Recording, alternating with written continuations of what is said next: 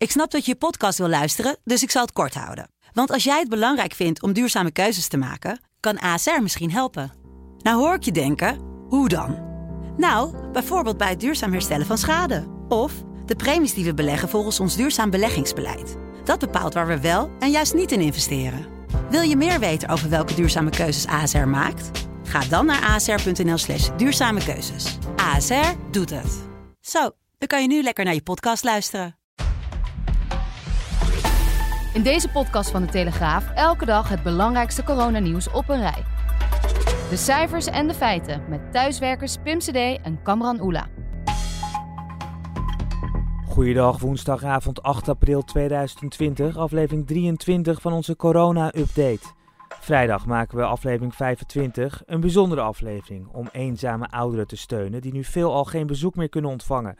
Heeft u nou een boodschap voor iemand of voor alle mensen die nu weinig anderen zien, dan kunt u een audioboodschap aanleveren. Dat kan door te mailen naar podcast@telegraaf.nl. podcast@telegraaf.nl of via WhatsApp. Dat kan naar 06 1365 0952. 06 1365 0952. Ging het te snel? Zet hem dan even op pauze, een stuk terug, luister u nog een keer, noteer het nummer en stuur de audioboodschap naar ons door. Zometeen al het coronanieuws van deze woensdag, maar eerst zoals elke dag de RIVM-cijfers van vandaag. Telegraafcollega Pim CD.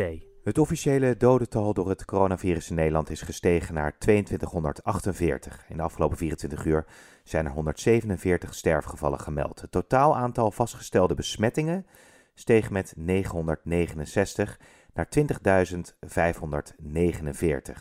Het aantal ziekenhuisopnamen dan, dat steeg de afgelopen dag met 308 tot 7735. Een deel van de opgenomen patiënten is weer thuis. En dan is er goed nieuws over het aantal coronapatiënten op de intensive care afdelingen van ziekenhuizen.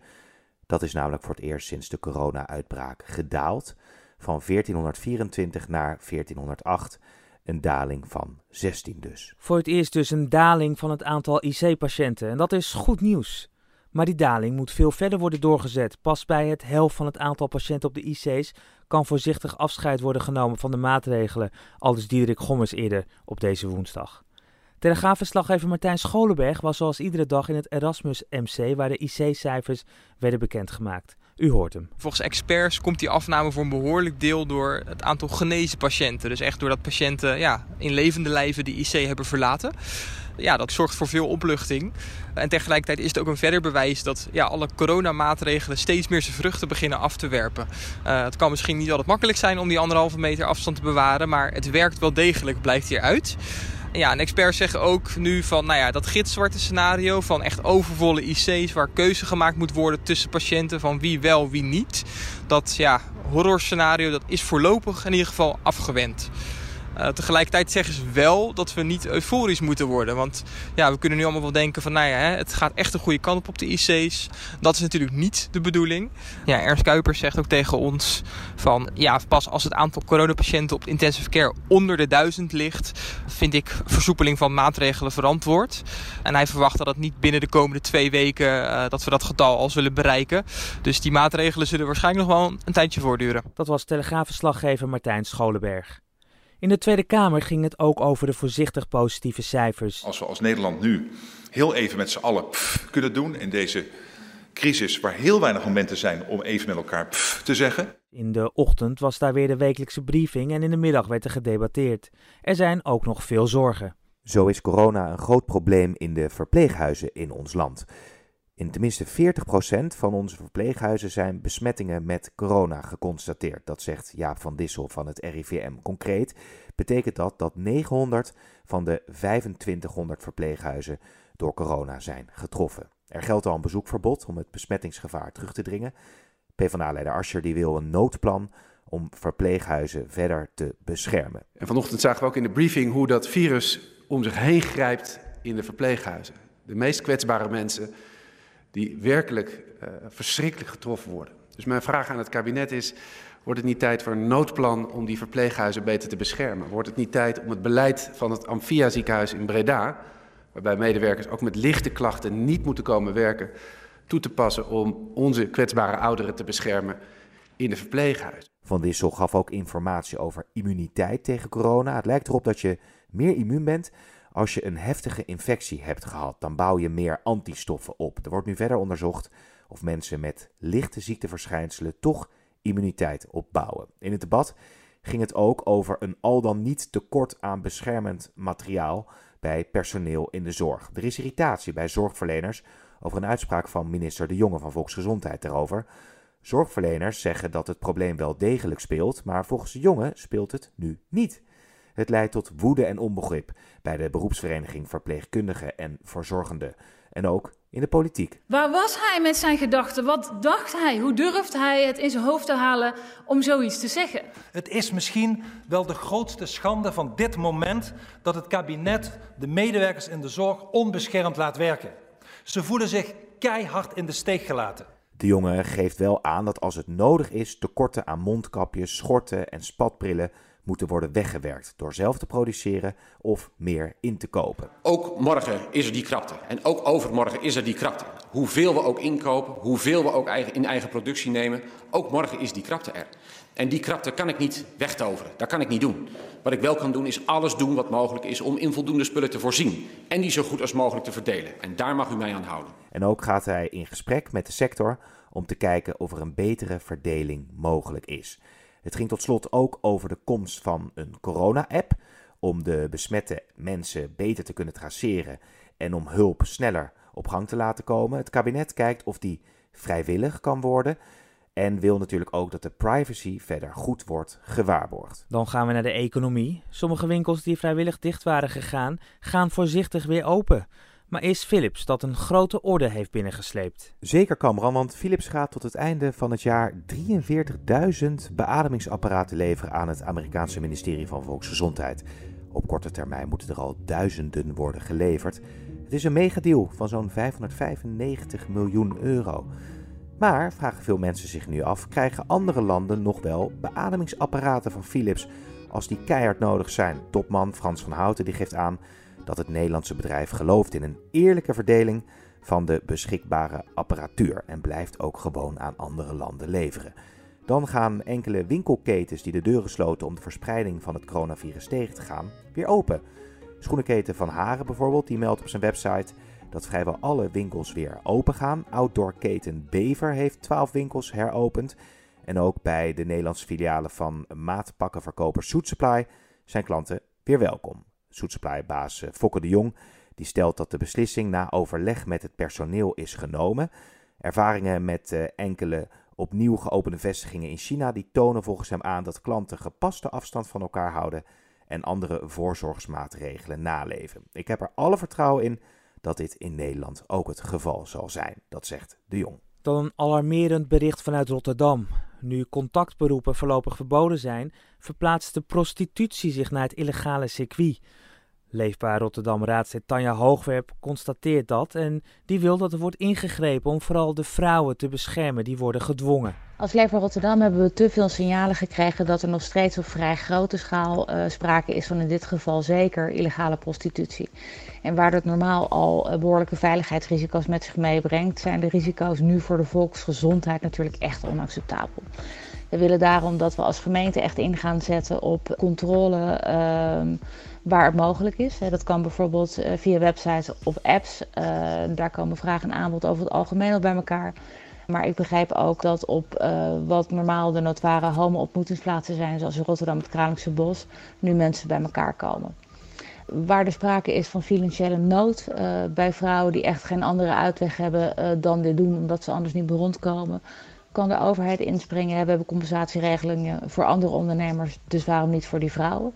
Maar waar er sprake is van dwang, uh, waar ik in veel gevallen wel bang voor ben, hè, dat boyers uh, of loverboys uh, meisjes of vrouwen dwingen om aan het werk te gaan, daar moeten we echt keihard ingrijpen. Dat geldt zowel voor de boyers, maar in dit geval ook voor de klanten die er geen been in zien om misbruik te maken van de kwetsbare positie van meisjes of vrouwen. Als je nu in staat bent om seks te vragen van een kind, dan mag er wat mij betreft echt met alle mogelijkheden die we hebben in de wet naar je gesmeten worden. Want dat is dan hetgene wat je ook minimaal verdient. Dan naar het buitenland. De staat New York telt nu officieel de meeste besmettingen ter wereld. De staat heeft woensdag 149.316 besmettingen geregistreerd staan. Spanje heeft er iets minder, 146.690. En daarna volgt Italië. Maar er is meer in het buitenland, bijvoorbeeld nieuws over de conditie van Boris Johnson. Deze donderdagavond komt het bericht dat de gezondheid van Boris Johnson iets vooruit gaat. De met corona besmette Britse premier wordt nog verpleegd op de intensive care afdeling in een Londens ziekenhuis, maar hij kan rechtop in bed zitten. Het aantal doden door het coronavirus in het Verenigd Koninkrijk is trouwens hard opgelopen. In de afgelopen 24 uur met 938, de grootste stijging tot nu toe. In totaal zijn 7097 mensen daar aan het coronavirus overleden. Dan heel ander nieuws uit Londen, want er is een man veroordeeld tot 12 weken gevangenisstraf voor het stelen van vier mondkapjes uit een ziekenhuis. De 34-jarige man die stond op het punt om de kliniek te verlaten, maar werd toen ondervraagd door de veiligheidsdienst en hij gaf de diefstal toe.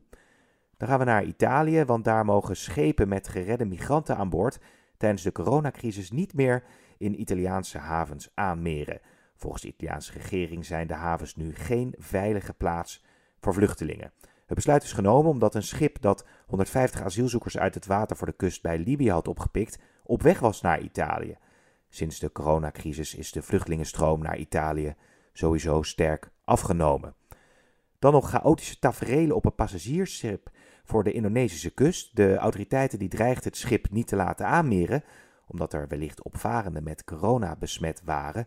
En spontaan besloot een aantal passagiers dan maar van boord te springen en zelf naar de kust te zwemmen. Het werd zo chaotisch dat het schip uiteindelijk toch toestemming kreeg naar de haven te varen.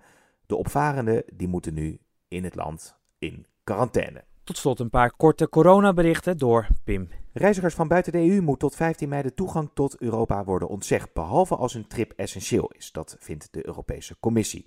Omdat de coronacrisis nog niet onder controle is, wil Brussel het inreisverbod met een maand verlengen. Het zijn de lidstaten die er uiteindelijk over beslissen. Het Zuid-Limburgse Heuvelland dan, dat is vanaf donderdag afgesloten voor dagtoeristen. Alleen bestemmingsverkeer mag er nog door. De afsluiting duurt zeker tot 13 april. En Duitsers die denken Noord- en Zuid-Limburg te kunnen opzoeken, die moeten er rekening mee houden dat ze door de Marechaussee worden teruggestuurd. Dan naar Nijmegen, want daar heeft de politie 22 kroeggangers betrapt. En ze kregen een boete van 390 euro. De kroeg bleek een achterdeurbeleid te hebben.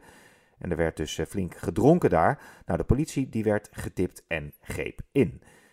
De spelers en stafleden van Real Madrid dan, die zijn akkoord gegaan met een verlaging van hun salaris tot het einde van dit jaar. Het gaat in de meeste gevallen om 10 tot 20 procent minder. Ja, en het was even zoeken, maar we hebben toch weer iets gevonden voor een uh, muzikaal einde van deze corona-update. Nou, uh, rapper Cardi B die heeft het maar zwaar tijdens haar zelfquarantaine in L.A. Normaal gesproken heb ik uh, heel veel seks, maar ja, nu kan er even niet gewipt worden. Dat is echt balen. Echt waar, het stond erop op Instagram. Ja, ze zegt dat het komt omdat ze ongesteld is. Nou, ik krijg het bijna mijn schot niet uit deze tekst. Maar ja, het is uh, zo uh, ludiek dat Cardi B wel een deuntje heeft verdiend. in the street. Know you probably heard of me. Got a bag and fix my teeth. Hope you hoes know it ain't cheap. And I pay my mama bills. I ain't got no time to chill. Ja, vrijdag maken we dus een bijzondere aflevering om eenzame ouderen te steunen die nu veelal geen bezoek meer kunnen ontvangen. Heeft u een boodschap voor iemand of voor alle mensen die nu weinig anderen zien, dan kunt u een audioboodschap aanleveren. Dat kan door te mailen naar podcast.telegraaf.nl of een WhatsApp bericht versturen naar 06 13 65 09 52. 06 13 65 09 52. En zet u dit nummer ook meteen in uw telefoon, want dit is de Telegraaf tiplijn. Dit was de Telegraaf Corona Update van woensdag 8 april. Alle onderwerpen uit deze podcast zijn uitgebreider te lezen en te zien op de site en de app van de Telegraaf. En natuurlijk ook in onze krant. Hou vol, blijf gezond en wat ons betreft, tot morgen.